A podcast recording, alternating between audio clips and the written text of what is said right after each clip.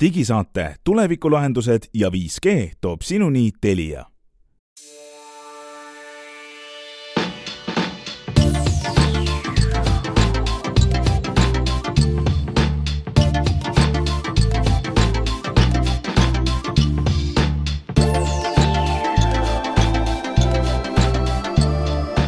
Tere, head kuulajad, kahekümne neljanda oktoobri nimetu digisaade on teiega ja meie oleme siin saates täna kolmekesi, Hans Lõugas, Henrik Rõnemaa, Meelis Väljamäe. ja vaatame, mida meil sellest eelmisest nädalast on kõrvu ja silmi jäänud tehnoloogia valdkonnast ja esiteks peame rääkima sellest, kuidas Apple tõi eh, ilma suuremate fanfaarideta välja täienduse oma tahvelarvutite rivistusse, uued iPadid ja püüame sellest pikast rivist sotti saada, et mis on mis ja miks, milleks hea on. räägime uue iPhone'i muljetest, Eesti internetikiirustest, on need head või halvad. Ja siis veel paarist eh, suurest tehnoloogiaettevõttest, kes võib-olla teevad meile midagi huvitavat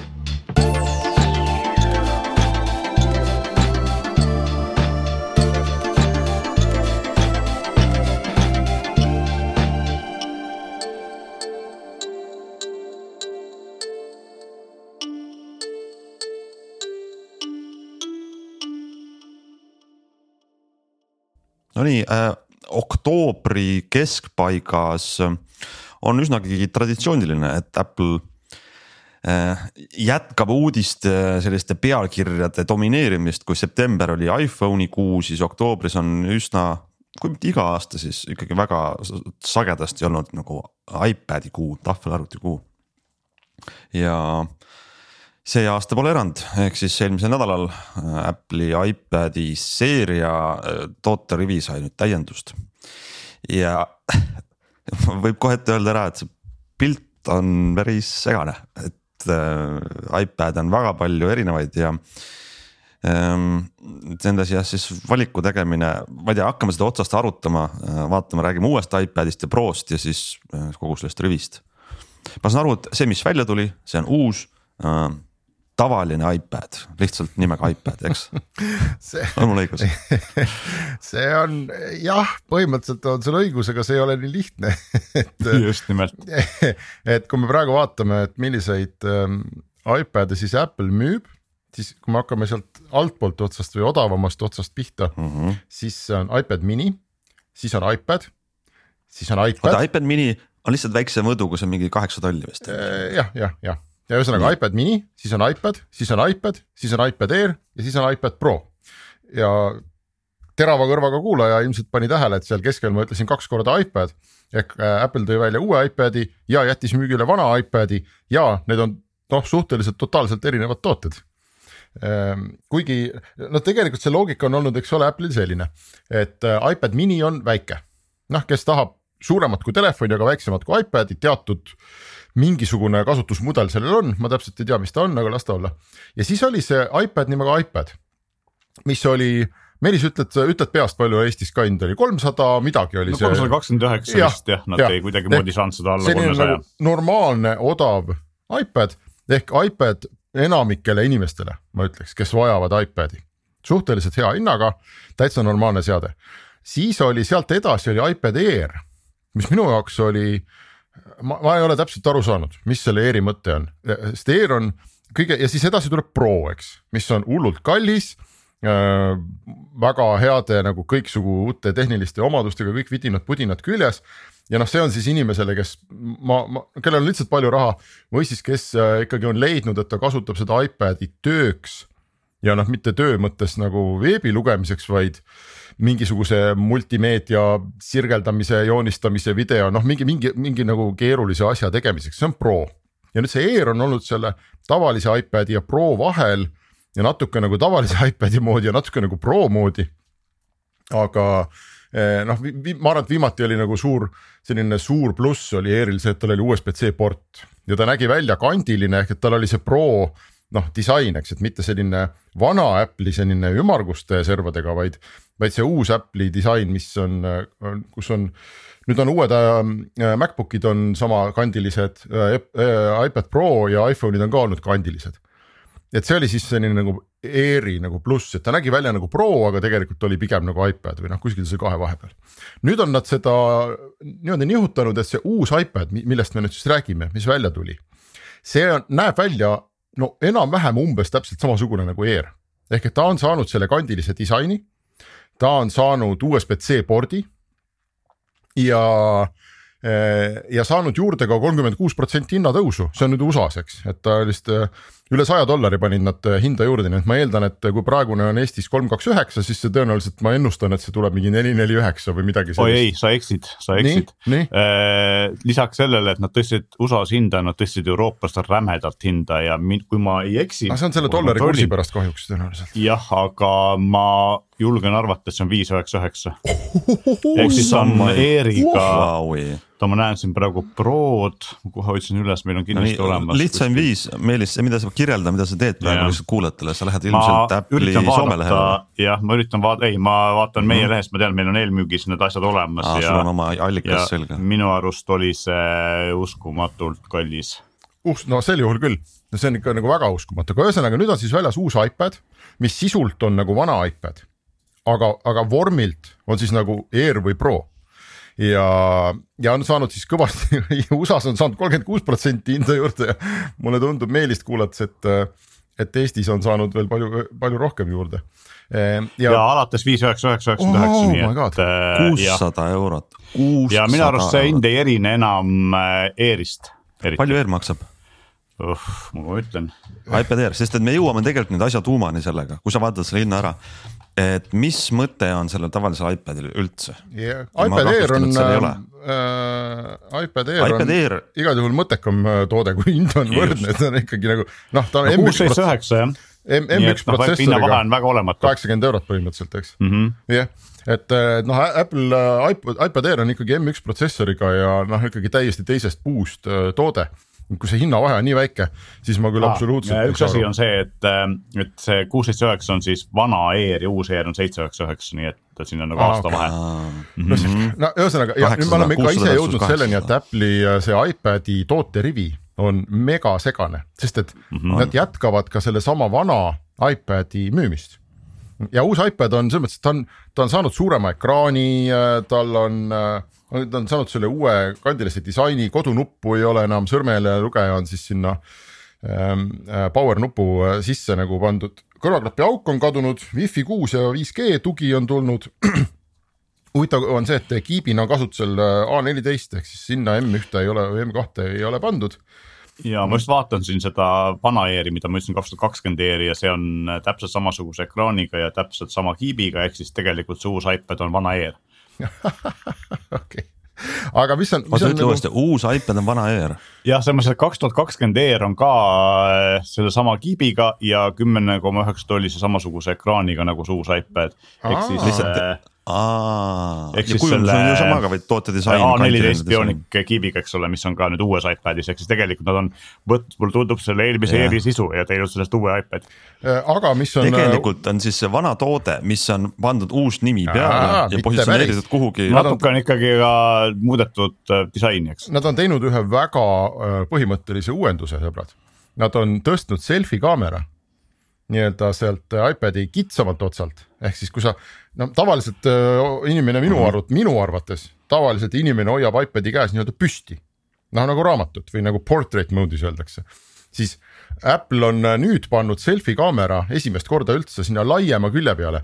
ehk nagu mõte mm. on siis justkui selles, et seda iPad'i hoitakse käes nagu pilti või noh, ma ei tea, landscape või laual. või, või laual jah ja, ja paljudele inimestele see uuendus meeldib, mina ei oska midagi öelda, ma ei ole iPad'i kasutaja, aga minu arvates on lihtsalt huvitav, et nad on sellise väga nagu suure muudatuse ikkagi teinud. ma, ma ei oskagi selle, Ants, kas sina no, oled iPad'i kasutaja, sa oskad midagi arvata sellest? ei, ei ole kasutaja ja ei, ei näe ka, et ennast saamas selleks, aga juhin tähelepanu veel üks põhimõtteline muudatus, mis nad on teinud selle vana mudeliga. Nad on siis välja kiskunud selle lightning board'i pannud asemele USB-C. ja sellega no, on hind tõusnud. vot siin ongi nüüd see, et, et eks ole, alguses võis ju arvata, kui need kuulutud tulid, et asendatakse ära see kõige odavam iPad ja mis automaatselt tähendab seda, et kõik iPadid on nüüd USB-C-ga ja lightning ut enam ei ole. aga noh, praeguse seisuga jääb see vana iPad ikkagi alles. Ehm, no vana on vana, on ju. ja vana..., ja kui nüüd, kui nüüd peakski juhtuma see, et see vana lõpuks ära kaob, noh, me ei tea, kas ta kaob, aga aga noh, hinnavahe on sel juhul, eks ole, väga suur, et põhimõtteliselt ju see hinnavahe vana iPad'i ja, ja selle uue Airi vahe või uue iPad'i vahel, mul kõik segamini juba, on tegelikult ju pea kaks korda. ja, ja see uue hind on ikkagi nii hull, et äh, me võime siin rääkida inflatsioonist ja dollari kursist ja millest iganes, aga, aga see on ikkagi niivõrd hull, et kui nüüd peaks juhtuma see, et, et see vana lõpuks ikkagi nagu nii-öelda pensionile saadetakse, siis äh, mina. kõige odavam iPad on kuus sotti jah, et need kukuvad nagu täiega, sest et eh, noh, kes ostab endale kuuesaja eurost asja kus mingiks meedia tarbimiseks või lastele mängimiseks, et yeah, see tõstaks Androidiga tahvlite müüki, kuna need ei ole ühtegi nii hullud, kui sa tahad seal vaadata Youtube'i või Netflixi, eks see on ka et, põhjus, miks seda vana mudelit veel edasi toodetakse, ma arvan, et hoida seal rivis allpool. aga kui me oleme juba siia sukeldunud iPad'i maailma, siis teeme korraks ka selgeks selle, et kui te nüüd vaatate, et kuuesaja eurone on see uus iPad, mis sisult on vana Air ja mõttetu osta, siis mis seal nagu rivis edasi tuleb? ja ma korra panin lihtsalt kõrvuti iPad Pro ja iPad Airi, mis on siis need viimased mudelid, mida Apple müüb. olgu selgelt, et see iPad Pro on siis see kõige kallim nii-öelda profitööriist. Aga mul hakkab tunduma, et see iPad Air on seal kallimas otsas kõige mõistlikum valik, sest see uus Air, mis praegu on müügil, see on tegelikult ju M1 protsessoriga see on see hea jõudlusega, hea aku ähm, tarbega protsessor. ja, ja iPad Airil on USB-C laadimine ja väga paljud näitajad tegelikult on samad, mis äh, Pro'l isegi. Mida, mida, mida ei ole sellel Airil on noh, sellised asjad nagu äh, see lidar kaamera, mis on Pro siis tahvlitel, ma täpselt ei ole veendunud, mida sellega teha. see on mingi aga, asi. seda ei ole järel, mingi asi on ju, väga vinge asi, mis teeb selle kallimaks. Yeah.. ja, ja mida ei ole, noh, mingi saja kahekümne äh, hertsist ekraani, vaid on, äh, vaid on madalam, mis, mis ka jällegi on selline noh, tegelikult ei mõjuta et see iPad Air on seal kallimas otsas kõige mõistlikum, on, on palju parem kui see tavaline iPad, mis on juba üsna kallis ja tegelikult ei ole tast üldse vähem puudu kui iPad äh, Pro'l. näotuvastust ei ole, vaid sa pead sõrmejäljega tegema lahti siis ka on ju, iPad Prodel on näotuvastus. aga iPad ei ole telefon, mida inimene avab sada nelikümmend korda päevas, vähemasti enamus inimesi. ma võin veel ühe sellise pro nõuande iPad'i ostjatele anda ja selleks on, hangi lihtsalt mingi kasutatud iPad sest äh, ega need üle aastate ja. need, äh, need tooterivid on neil ikkagi suhteliselt vähe muutunud ja kui me mõtleme noh, et miks inimene iPad'i hangib, mida teeb keskmine inimene iPad'iga, siis kui tal ei ole tõesti mingit spetsiifilist vajadust äh, pliiatsite, multimeedia jõudluse, noh suure võimsuse kogu kõige selle järgi, siis mina väidan, et ei ole eriti palju vahet, millise viimaste aastate iPad'i sa Youtube'i vahtimiseks või artiklite lugemiseks või lastele mängida andmiseks ostad ja, ja sellega on võimalik väga palju raha säästa ja need iPad'id kestavad noh, nad on kurikuulsad selle poolest, et inimesed ei vaheta neid välja aastaid ja aastaid, sest lihtsalt puudub vajadus. no jah, mina olen üldse nagu sellisel seisukohal võib-olla ebapopulaarne seisukoht, aga niisama meedia tarbimiseks, lastele mängida andmiseks eh, ongi, et kas kasutatud iPad või mingi lihtsam Androidiga tahvel, siis ma ei näe, et sellel peaks olema. ühesõnaga, et kui sa ei tee tööd ja sul ei ole vaja Prod, eks ole, siis eh, üle kahe-kolmesaja euro selle peale kulutada, noh, ei ole lihtsalt mõistlik Mm -hmm. aga, aga üks anomaalia mul tuli siis praegu otsingust välja, kui ma vaatasin hindu, siis äh, kui te tahate endale 5G toega iPad'i, siis äh, iPad Air uus siis, eks ole. 5G-ga kuuskümmend neli giga maksab tuhat eurot ja iPad Pro üheteist tolline eelmise aasta mudel kaks tuhat kakskümmend üks saja kahekümne kaheksa gigane maksab üheksasada nelikümmend üheksa. ehk siis on odavam ja tegelikult noh, okei okay,, ta on tehniliselt üks aasta vanem mudel, aga tal on sama M1 kiip ja, ja topeltkogus äh, mälu, eks ole, ja ta on Pro, nii et noh. jah, tasub võib-olla seda vaadata hoopis.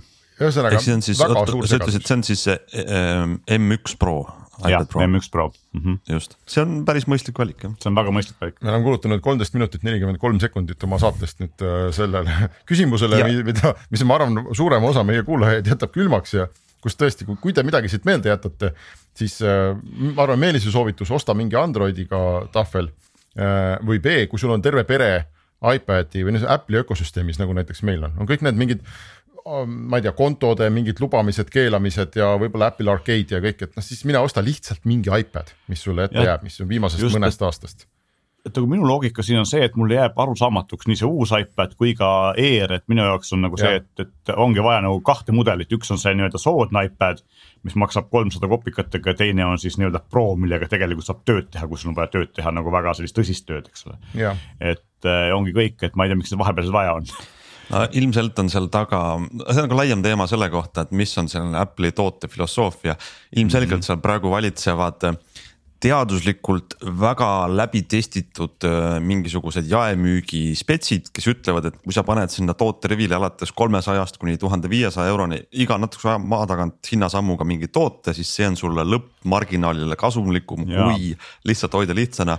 et see ei ole nagu meie jaoks tarbijate ostjate jaoks kuidagi lihtsam, aga ja. ju siis Apple optimeerib kuidagi oma äri. nii, tarbijate kui müüjate jaoks on eriti keeruline veel see, et kõigil nendel mudelitel on äh, neli-viis erinevat värvi või noh, mõnel on kaks erinevat värvi ja mitu erinevat mälukonfiguratsiooni, et tegelikult neid asju on kümneid või mitte sadu, eks ole, nii et jah, aga tegelikult, kui me iPadist enam ei räägi, siis äh, Apple'il tuli välja veel üks uus seade, nimelt äh, Apple TV 4K uus mudel millel on eh, rohkem mälu ja, ja üks huvitav asi on see, et eh, väidetavalt, ma küll ei tea, kas siin Eestis ka see või Euroopasse jõuab niimoodi, aga USA-s sellepärast, et uus 4K Apple TV müügile tuli, kadus ära siis see vana HD ehk siis nagu igivana, üsna kallis Apple TV, et, et selle, seda nüüd asendab see uus. Ja uuest on kaks mudelit, muideks uuel on ka puldil nüüd USB-C pesa, mitte enam Lightning, nii et sinna, sinna suunas nad ikka lähevad mida, millega siis pulti laadida. ja kaks mudelit on, üks on siis kuuekümne nelja giga mäluga, teine on saja kahekümne kaheksa giga mäluga ja saja kahekümne kaheksasel versioonil on ka füüsiline võrgupesa ja Fred raadio, mis tähendab seda, et ilmselgelt äh, Apple suunab seda kallimat mudelit kui sellisest kogu aeg töös olevaks äh, nutikodukeskuseks, eks ole, millega saab siis HomeKiti juhtida või tulevikus Matter seadmeid juhtida, et. et see on kaks ühes seade. Aga mis, lõpuks ometi mis... nad on Nad on saatnud nagu pensionile selle siis selle igivana mudeli, mis 4K-d ei toeta ja, ja sellega seoses, äh, ma ei tea, kas te olete näinud, aga ma vaatasin USA-s vähemalt on tulnud väga head pakkumised äh, müügile, kus selle siis nii-öelda vanema 4K Apple TV saab juba vist alla saja dollariga mm. -hmm. mis asi, mille ma kohe ostaks ära, kui oleks Eestis või Euroopas selline pakkumine. just, sest aga... meil minu arust on siiamaani see kurioosum, et äh, et vana maksab rohkem kui uus või midagi sellist. et äh, nagu, nagu. me elame ikka kuskil on. Äh, maakera mhm. kukla poolel nagu ükskõik, äh, mis sajand on. ja, no ma võib-olla Apple'i teema kokkutõmbamiseks. kas tõmbame ära... kokku või lähme telefoni juurde? ma just mõtlen, et ma räägin telefoni ka kiiresti ära, et ma siin mitu saadet tagasi ikkagi olen rääkinud, et, et ma plaanin osta tõenäoliselt iPhone neliteist plussi, mis on siis nüüd sel aastal välja tulnud suurem mudel iPad äh,, noh iPhone'ist. ja ma tegin ikkagi oma ähvarduse teoks ja ma siis saan teile raporteerida, kuidas on elu iPhone neliteist plussiga. Mm, ja see on suhteliselt äh, lühikene jutt, sellepärast et äh, noh, sisu poolest ei ole neil tegelikult mitte mingisugust vahet ja elu iPhone neliteist plussiga on täpselt samasugune nagu elu iPhone neljateistkümnega mis on, ma arvan, üheksakümmend kaheksa protsenti samasugune nagu elu iPhone kolmeteistkümnega ja, ja need niimoodi ta läheb, eks, et iPhone on iPhone. Ehm, küll aga ma võiksin nendega sellise enda ehm, füsioloogia kohta teha tähelepaneku, et ma olen kaks aastat kasutanud iPhone kahtteist ja tuleb välja, et kui su keha on harjunud kaks aastat väga palju kordi päevas kätte võtma midagi ja tegema mingeid liigutusi ja tunnetama seda asja sisuliselt noh, pool päeva oma käe küljes, siis harjumine suuremaga läheb väga raskelt absoluutselt minu organism ei saanud aru, et mis asi see nüüd on, kuidas ma seda hoian, miks ta nii raske on, kuidas see tasakaal on jaotatud, mida ma üldse sellega teen ja nüüd on mul läinud no nädal aega või rohkem. on siis läinud ja, ja eile ma esimest korda tundsin, et et juba nii-öelda käe ja sõrmede jaoks oli enam-vähem kodune tunne seda taskust välja võtta ja, ja kuidagi kasutada, väga raskelt läks, võib-olla on, see tuleb vanusega et, et ikkagi oled juba harjunud oma, oma asjadega. aga, aga kaks tähelepanekut ja on see, et äh, aku peab ülihästi. ma olen siin ikkagi kahes mobiilivõrgus korraga. Ja äh, eile hommikul kell seitse võtsin laadijast. Ja siis äh, täna hommikul kell seitse oli üle, üle kolmekümne protsendi veel alles ja noh, ta tegelikult sai eile päeval ka ikkagi päris korralikku kasutust, nii et kellel on vaja sellist aku, aku champion'it, siis ma küll julgen öelda, et see iPhone neliteist pluss on, on super ja, ja kui ta alguses tundus mulle väga-väga suur, noh siis nagu ma ütlesin, nüüd mul on olnud aega harjuda. et ta on suur, aga ta ei tundu enam nii suur. ma küll absoluutselt kindlasti rangelt soovitan sinna ümber osta mingisuguse kesta ja kaitseklaasi. sellepärast, et kui meie igasugused taskud ja muud kohad, kus me seda telefoni äh, paneme, on, on tavalise iPhone'i suuruse järgi nüüd ikkagi väga hästi kohanenud ja, ja need tavalised iPhone'id mahuvad sinna ära.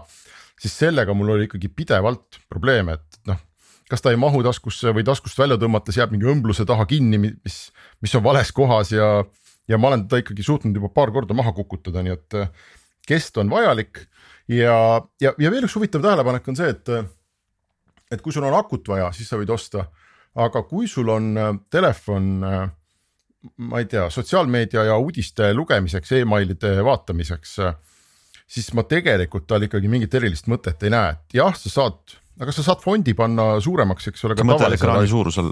jah, et, et, et, mm -hmm. et sulle nagu nii-öelda nagu mahub sinna rohkem, aga noh, teksti podcast'ide, ma ei tea, mis iganes sellise asja jaoks, seal ei ole mitte mingisugust vahet.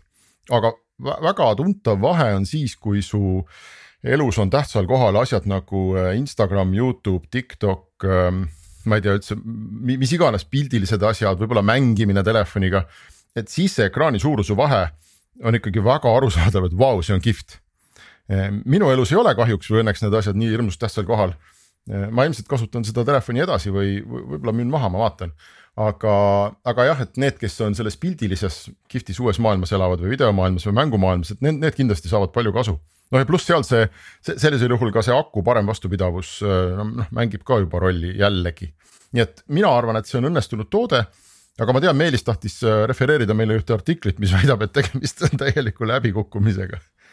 jah, et liiguvad kuulujutud, et tegelikult ju Äh, see pluss tehti sellepärast, et Apple'il olid andmed, et mini ei olnud esiteks väga edukas, kuigi on väga väike, aga väga häälekas kogukond, kes väga mini fännib, mulle ka tegelikult kõigist iPhone idest meeldib mini kõige rohkem. aga et mini ei olnud nii edukas, kui Apple soovis ja, ja igalt poolt tuli signaale, et tahetakse nagu soodsamat ja suuremat telefoni, eks ole, sellepärast see pluss tehti, mis on siis nagu suurema ekraaniga tavaline iPhone, eks. aga nüüd on nagu kuulda, et vähemalt esialgu tõe- või väidetavalt, ega meil numbreid tegelikult ei ole, on see nagu üsna kolinal läbi kukkunud, ehk siis müügid on veel väiksemad kui minil ja Apple juba teatab partneritele, et nad tõmbavad nagu hoolega-hoolega müüki kokku, mitte müüki, vaid tootmist kokku, sest et müüke ei ole järgi, järgi. et noh, tegelikult me ju ei tea, mis need, kas see on tõsi või mitte, aga aga sellised kuulujutud eh, käivad, et see on üllatav, sest et mina oleks ka oodanud, et eh, suure ekraaniga soodne või no mis, kui soodne, aga soodsam iPhone on edukas jah, aga, aga selle eest eh, Prosid müüakse rohkem, kui Apple eeldas, nii et kõik tahavad Prod saada, võib-olla see uus disain või see ilma, ilma kulmuta lahendus on, on äkki see, mida inimesed ootavad siis praegu. ma arvan, et see on ka ikkagi nüüd aastate jooksul ära tõestatud, et mis iganes suurusega see nii-öelda tavaline iPhone praegu on, see on tõenäoliselt telefoni jaoks see õige suurus sest mm -hmm. ta mahub taskusse, ta mahub kätte noh, enamikel inimestel pöial ikkagi suudab enam-vähem üle selle ekraani liikuda väike, väikese peopesa gümnastikaga. ja ekraan on piisavalt suur, et äh, seal oma, oma vajalikud asjad ära teha, nii et ma, ma arvan, et äh, nad proovisid jah, nad proovisid väiksemaga, noh, ei läinud kaubaks, nüüd nad lihtsalt proovivad suuremaga ja ma ei imesta tegelikult, kui see ei lähe kaubaks. et äh, see on tegelikult selline puht emotsionaalne minu äh, arvamus, mis äh, nagu ei, ei kandideeri mingisugusele tõele, aga, aga kunagi siin, kui tuli see, kas äkki oli iPhone kaksteist või kolmteist, pigem kaksteist, kui, kui iPhone'i tavalise iPhone'i kaamerad ja muu sisu läks piisavalt heaks, et ta oli väga sarnane Prole, kus ma ütlesin, et tegelikult Prod ei ole nagu pointi osta, sest et see kolmteist või kaksteist, mis tol hetkel oli tavaline, oli piisavalt hea. ja hinnavahe oli piisavalt suur, siis praegu mulle, no kui mina peaks praegu endale iPhone'i ostma, siis ma kindlasti ostaks omale pigem Pro, sest et hoolimata sellest hinnast mulle see uus disain või see ilma kulmuta lähenemine ja see eh, nii-öelda pilddisain ülevalt ja, ja nii edasi meeldib niivõrd palju rohkem lihtsalt, et, et sellepärast ma nagu kulutaks selle peale, võib-olla ma pole ainus, kui me vaatame nüüd neid kuulujutte müüginumbrite koha pealt, eks ole. Prod on nii rasked, minu jaoks on ikka endiselt see probleem okay., nad on tõesti ja nad on tõesti rasked, sest seda kolu on sinna sisse, sisse ja külge pandud äh, palju mm -hmm. ja, ja ma tegelikult selle plussi juures ka juba mõtlesin, et et see klaasist tagakaas, no see peab kaaluma päris palju ja ma, ma kahtlustan, et üheksakümmend, ma ei tea, mis protsenti inimesi võtab selle imelise läikiva klaasist tagakaane ja paneb kõmaki mingisuguse kesta sisse. nii et minu ja, et poolest sellest... võiks seda tagant üldse Alati, mitte jah. olla või no jumala eest, pange mida iganes sinna, niikuinii ma panen selle kesta jah, et minul ka ei ole kunagi olnud midagi plastikust tagakaanega telefonide vastu, et tagumine klaas ei pea olema klaasis, see teeb ta õrnemaks ja raskemaks just, eks ole, et Ja. et hoidku, ma ei tea, palju sealt õnnestub kokku hoida, võib-olla meie saadet kuulab mõni iPad'i parandaja, kellel on need tagaklaasid, kaalugu ära. Äh, saatku, aga, aga ma arvan, et sealt õnnestub, no isegi kui kümme grammi õnnestuks kokku hoida, siis see on telefoni käsitsemises ülihästi tunda. Te ei arva, et see on kahesaja ja saja üheksakümnene vahe on tunda, aga, aga proovige, see on tunda mul rohkem ei ole selle kohta midagi öelda. ja ma võib-olla süstiks siia korraks veel lõppu, äh, selle teema lõppu natuke hinnaanomaaliaid, kui me siin Apple TV-st rääkisime, siis äh, no, praegu on nii, et tavaline Apple TV, see vana, mida väidetavalt enam ei toodeta, mis ei ole 4K toega, maksab mm. täpselt kümme eurot vähem kui sama suure mäluga 4K toega, ehk siis noh, miks mitte osta see, see 4K toega mudel ja uus. mis hind on siis? Äh, sada kakskümmend üheksa versus sada kolmkümmend üheksa ja uus äh, 4K Apple TV maksab lausa kümme eurot vähem kui vana 4K Apple TV sama mäluga. Ehk siis sada nelikümmend üheksa või sada viiskümmend, sada seitsekümmend, sada seitsekümmend viis versus sada seitsekümmend kuus, nii et noh, üks euro maksab uus vähem kui vana. mis selle Apple TV mõte üldse on, palun seletage mulle, mina, ma, ma selles mõttes ma ei taha kuidagi halvustada, ma päriselt lihtsalt ei tea, et mis, mis see point on? Apple TV mõte on see, et kui sa oled äh, väga suur Apple'i fänn ja sul on kõik asjad kodus Apple'i omad, sa kasutad kõiki Apple'i teenuseid, siis neid on seal hästi mugav kasutada ja lisaks saad vaadata Youtube'i, Netflixi ja muid asju. kui sa ei ole väga suur Apple TV fänn, sa ostad omale Xiaomi pulga või, või rendid äh, Teliast selle uue Androidiga digiboksi ja saad kõiki oma teenuseid sealt kasutada. ja sa saad ähm, kordades odavamalt need või no sa võid nimelt. osta Amazoni Fire TV või noh, tead, Chromecast on natuke teistsugune asi. kusjuures just ostsin omale siin koju uue Amazoni Fire TV 4K Maxi, mis on kõige kangem Fire TV, mis neil olemas on, see pulk, eks ole. maksis ta koos transpordiga neli, natuke alla neljakümne euro ja sain seal peale tööle, peale tööle ka Telia tv äpi ja Jupiteri ja nii edasi ja noh, neljakümne euro eest pulka väga palju aga mis need Apple'i teenused on, mida sa välja tõid siis selle Apple TV juures, et kas see on Apple Music ja siis see Apple'i streaming'u teenus või mis on nii väga? no just, et tegelikult tänapäeval enam, enam, vanasti oli ju see, et Apple asjad olid eksklusiivselt nende peal, aga tänapäeval nagu enam ei ole, sest et näiteks Apple TV on saadaval ka Androidile küll jah, tõesti Android äh, TV pulkadel või nende karpidel ei ole Apple Music ut on telefonis, eks ole, on olemas. aga kõik muud asjad on ju tegelikult äh, saadaval Apple'i teenused ka teistel platvormidel, nii et see ei ole enam nii, nii kinni, kui ta vanasti oli aga noh, ilmselt on ikkagi see, et kui sul on kõik Apple'i seadmed, sa tahad, et see ökosüsteem neil töötaks harmooniliselt koos ja. ja nagu ma just ennem rääkisin, et kui sa tahad, mingi asi juhiks su HomeKiti põhist äh, turvakeskust või, või muid nutiseadmeid, siis see on ka võib-olla üks point, mille, miks seda osta, aga. aga jah, et minu arust on see, et need hinnad on neil ikkagi natuke, natukene väljas teist sellest, mis, mis on maailmas toimub hinnas on Apple'i koefitsient väga kõva sees, sellepärast ma ütlengi, et kui alla saja euro saaks selle asja kätte, siis oleks äh, täitsa juba atraktiivne, sada seitsekümmend, sada kaheksakümmend, mm, jah, kaheldav. Aga võib-olla me paneme selle Apple'i peatüki kinni tänases saates, kui ei ole kellelgi veel midagi jäänud hingele, kui siis vaatame edasi ja avame järjekordse peatüki, mis äh, kunagi ei äh, kunagi ei ole selge ja läbipaistev ja ei jäta inimesi ükskõikseks Eesti internetikiirused. Ma saan aru, et on äh, üks portaal andnud välja sihukese ülevaate Eesti kiirustest. see on see speedtest.net on, on äh, no tegelikult mitte ainult Eesti, vaid nad annavad perioodiliselt välja ülevaateid maailma internetikiirustest, ma natuke sorisin seal ringi, sest äh, see on kuidagi saanud mulle väga südamelähedaseks teemaks viimasel ajal ikkagi. minu arvates tuleb avalikkuse ette tuua julmalt tirida lihtsalt avalikkuse ette see, kui kehvas olukorras Eesti nagu eelkõige just püsiühenduste alal on.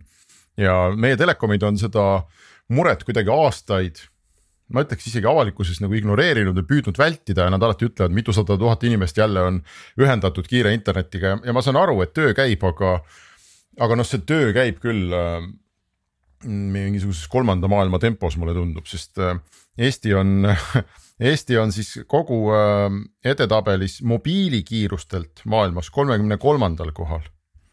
ja seal on, seal on osaliselt on seal äh, geograafia mängib meie kahjuks, eks, sest kui sa võrdled Singapuriga, kus kõik inimesed elavad kahe ruutmeetri peal koos.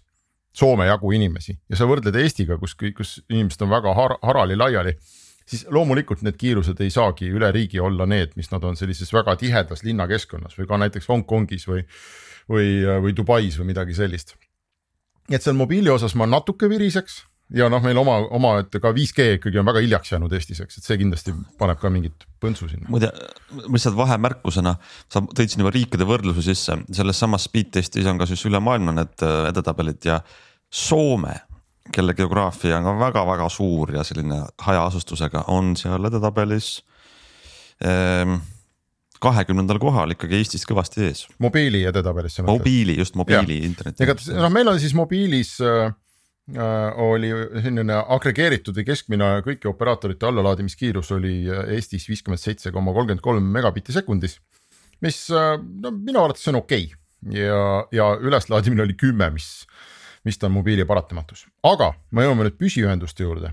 nii et kui me mobiilis olime kolmekümne kolmandal kohal, siis püsiühendustega me oleme maailmas kuuekümne neljandal kohal ja meist tagapool ei ole praktiliselt mitte ühtegi riiki, millega me isegi tahaksime samas lauses ennast näha, ükskõik mis kontekstis.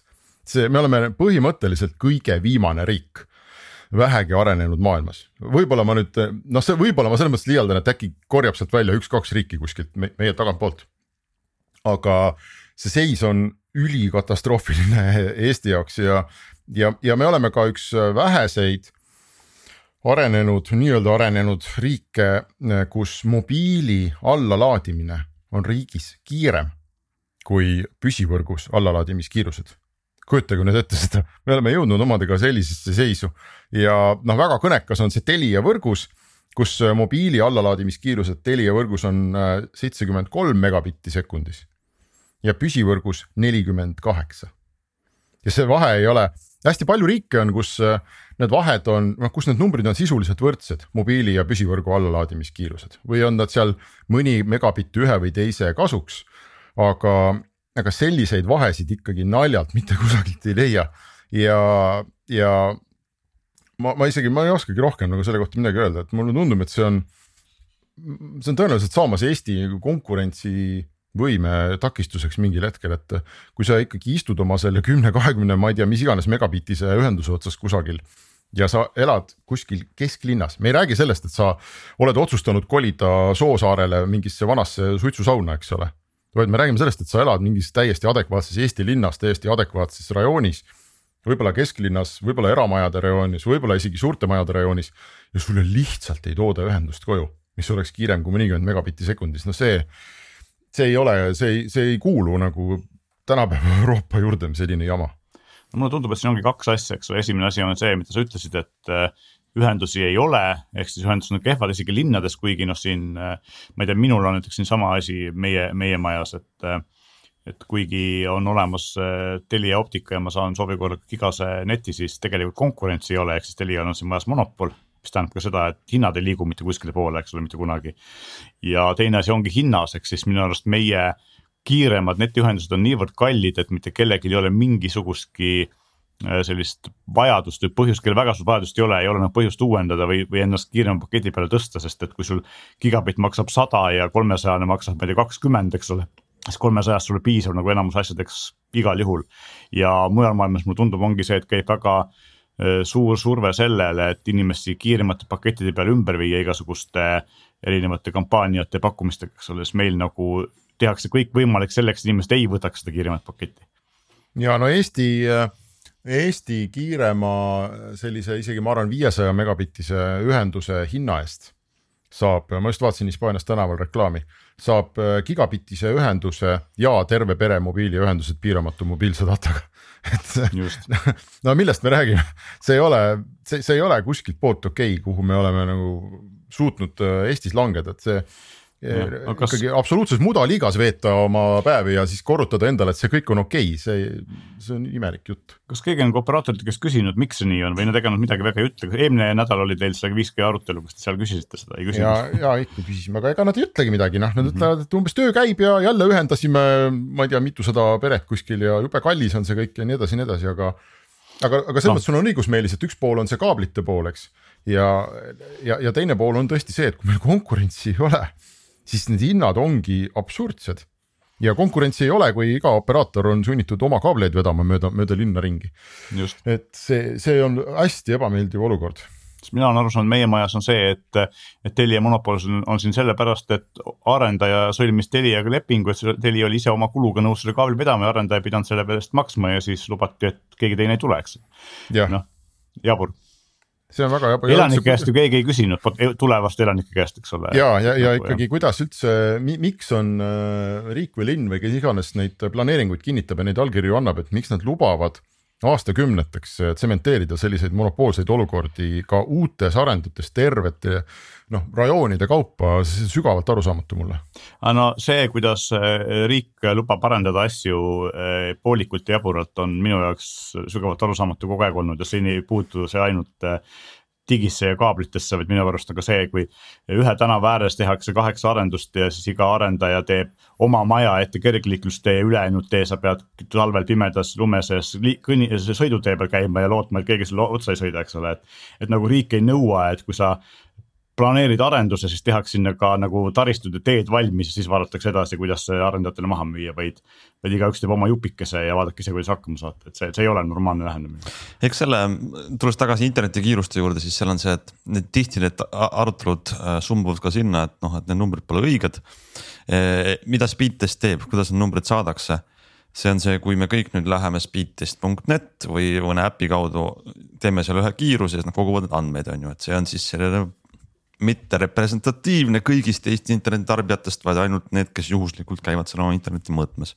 noh, ma ei tea, kas see on päris õige kriitika või mitte, et. no see ei no, saa olla õige kriitika, kas, kui me oleme, oota, mis kohal me olime, kuuekümne, mis ma ütlesin teile, kuuekümne neljandal kohal, et siis Eestis käivad ainult need hästi aeglase internetiühendusega inimesed mõõtmas ja kuuskümmend kolm meist eespool olevat riiki on siis sellised, kus mm -hmm. käivad kiirete internetiühendustega Just. inimesed mõõtmas ja aeglaste omad ei käi või no mis jutt. jah, et see, need alused on ju samad, äh, mismoodi mõõdetakse, teine asi on see, et samamoodi mõõdetakse ju avaliku arvamuse küsitlusi, küsitakse tuhande inimese käest ja siis eh, niimoodi kantakse üle kogu riigile, eks ole, et see tuleb sama välja ja siis ähm, teine kriitika, võtame lihtsalt need ette, et siis saame need eest ära, et ei ole pärast kellelgi ähm, kodus üksi seinaga rääkimist. et need ähm, numbrid, näiteks selle speed testi globaalses indeksis, kui me vaatame Eesti kohta, nagu sa ütlesid, mobiilis on meil viiskümmend seitse koma kolmkümmend kolm megabitti sekundis allalaadimine ja püsivõrgus viiskümmend seitse koma null. et need on mediaannumbrid, aga statistikas on erinevad asjad, mediaan ja aritmeetiline keskmine ja keskmised numbrid on need mobiilis üheksakümmend neli, püsivõrgus sada kaks, kõik on palju ilusam, me oleme väga rõõmsad, kaks korda kiirem. aga argument jällegi vastu on see internetikiirused võivad tuhandekordselt erineda, et pole ime, kui mul lähed kontorisse Telia võrgus, paned tuhat megabitti sekundis. siis lähed koju, paned kümme või kakskümmend. jah, just ja. ja saad keskmise, mis on seal viissada on ju.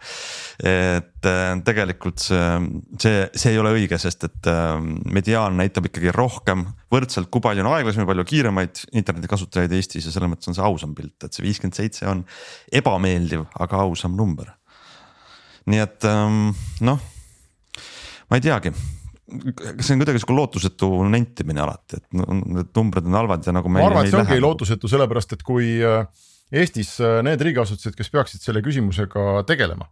me räägime siin konkurentsist, me räägime sellega, mis hinnaga üksteise kaablitele juurde peab pääsema, me võib-olla me räägime, me räägimegi sellest, et kas äh, majadesse peab iga operaator oma kaabli vedama või saab seda kuidagi mõistlikumalt korraldada, on ju et niikaua, kuni äh, need riigiasutused äh, normaalselt tööle ei hakka, siis ka loomulikult mitte midagi ei juhtu, me võime siin viriseda ja kõik võivad kaasa noogutada, aga, aga see ei huvita lihtsalt mitte kedagi.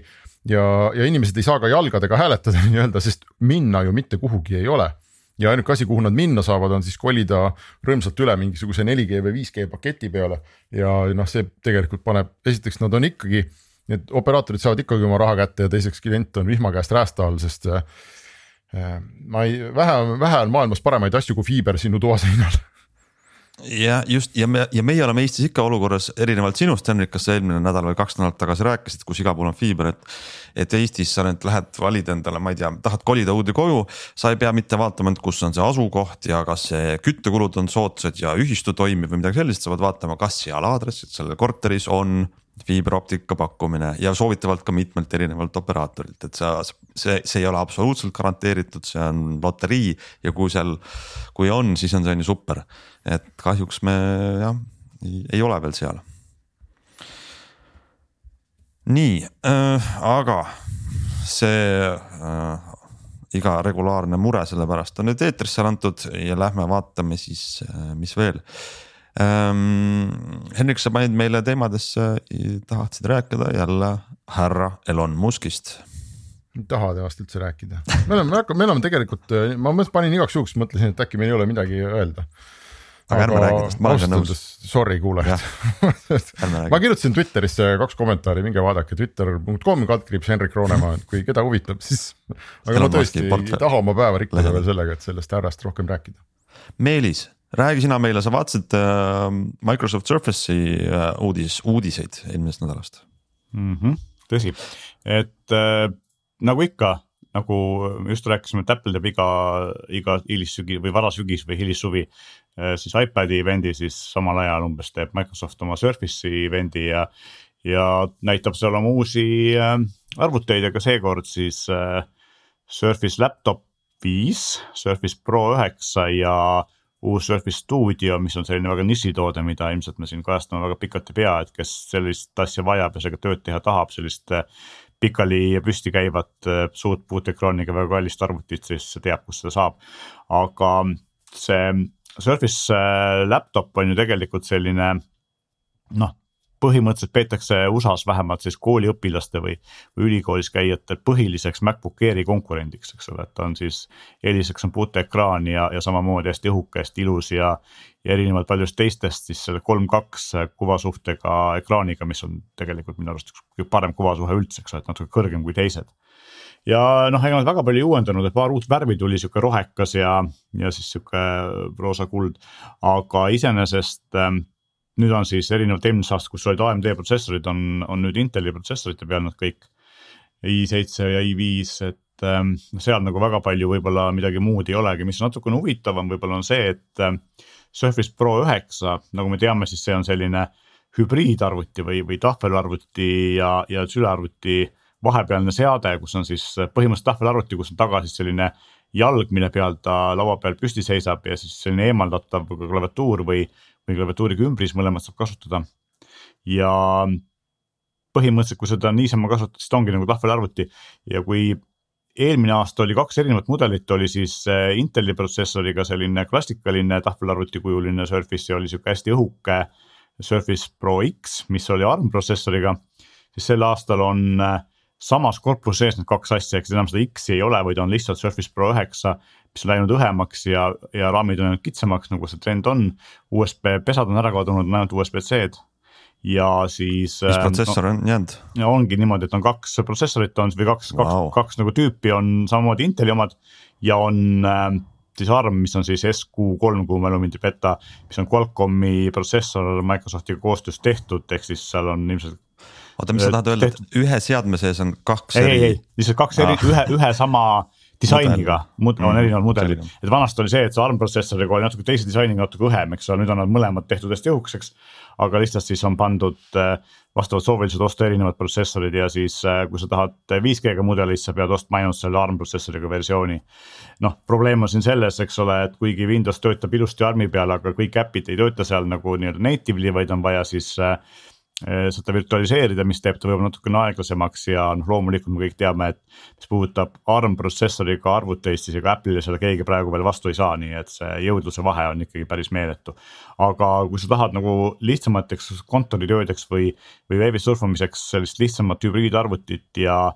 ja tahad, et seal oleks netiühendus või mobiilse internetiühendus 5G tugi ja, ja lisaks ka, ka siis äh, et oleks selline hästi pika akukestvusega siis ja kindlasti peab Windows olema see, kas see on suhteliselt ainuke lahendus, eks ole, et kui sulle nagu ei sobi ma ei tea, iPad pluss klaviatuur või, või MacBook Air, eks ole. Just, aga tegelikult noh, ütleme, võtame sellise nii-öelda kontoritöö, mis on see ebamääraine mõiste on ju. selles valdkonnas see ARM-i tugi nagu ei ole mingi takistus, et ma kujutan ette, et seal on noh brauserid, mingid Office'i tarkvarad, Slackid, värgid, sellised asjad, Teams, just, just et Eesti on selles mõttes ikkagi selle Surface'i jaoks nagu selline noh, täiesti kaardilt väljas vahepeal suhtlen mingisuguste ähm, tööalaste inimestega, kas Lääne-Euroopast või USA-st, siis see Surface'it näeb üllatavalt tihti Just. väga portatiivne no,. Nad ju Windowsi müüvad äh, sarnaselt Lenovo või HP-ga, nad müüvad nagu hästi palju korporatiivklientidele, ehk siis ostetakse tuhandete kaupa korraga, eks ole. et üks suur firma otsustab, et, et nüüd ma teen omale hanke ja Microsoft osaleb seal hankes ja kui ta selle võidab, siis seal ongi sul kümme tuhat arvutit ühele firmale. ja, ja ma pean ütlema, kui mul oleks selline töörežiim, et mul on suur monitor ja, ja ma vahepeal liigun ringi portatiivse arvutiga, mis peab olema Windows ma olen nagu mürki võtmas, et ma valiksin Surface'i, mitte mm -hmm. mingi lahmaka, ma ei tea, mis nii-öelda vanakooli laptop'i. ja, äh, ja kui me sellest juba räägime, sellest äh, kontorist ja, ja sellisest portatiivsest asjast, mis käib suure monitori külge, siis tegelikult Microsoftil tuli veel üks suhteliselt huvitav seade välja sealsamal üritusel. siis ähm, kõlari ja mikrofonidega dokk, et põhimõtteliselt me kõik ju kui me ühendame oma arvutit monitoridega, siis me reeglina kasutame mingisugust USB-C dokki või, või noh, või siis mingit mm -hmm. dokki, kuhu peal arvuti käib, eks ole. siis ähm, see on nüüd selline suhteliselt tavaline muidu USB-C dokk, kus on küljes võrk ja HDMI-d ja USB pesad ja toide jookseb eraldi välja kuuskümmend vatti, eks ole, mis on Surface'i jaoks piisav, aga võib-olla mõne teise arvuti jaoks mitte. ja lisaks on tal siis selline, ta näeb välja nagu selline keskmine suhteliselt suur Bluetooth kõlar, mis küll mahub nagu enamuse monitoride alla. ja mõte on siis selles, et kui sa pead seal pidama mingisuguseid Teams'i või, või Zoom'i kõnesid, siis seal on paremad mikrid, kui su arvutis on ja ka loomulikult kõvasti parem kõlar, millega natuke ilusti muusikat kuulata, eks ole, et selline kaks ühes seade, mis on nagu tegelikult sellises kasvõi kodukontori mõistes võib-olla väga üsna mõistlik asi, eks ole, juhul kui sa pead just klappe kasutama. ja see, see ei ole mingi lisavarustus, et see on Microsofti siis pakutav? jah, see on Microsofti Aha. esimene selline kõlariga dokk, ega teistel väga sellist ei ole ka, et tavaliselt dokid on ikka dokid ja kõlarid on eraldi, eks ole, aga see on nagu selline kaks ühes, võtab selle võrra vähem ruumi, eks ole ja. Ja teine asi, mis on huvitav, on see, et mida seal ei näidatud, et viimased kaks või kolm aastat on Microsoft sellel üritusel tutvustanud oma uusi kõrvaklappe, nii kõrvapealseid ja kõrvasiseseid ja üldiselt on neid kiidetud mikrofonide kvaliteedi pärast, aga mitte võib-olla niivõrd nagu heli kvaliteedi pärast, heli kvaliteet on okei okay,, aga mitte fantastiline.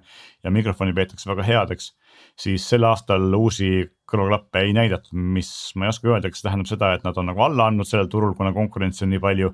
või siis nad on ühe aasta vahele jätnud, aga, aga huvitav fakt sellegipoolest, et nad üritasid seda siin paar aastat kõvasti suruda ja nüüd on nagu vaikus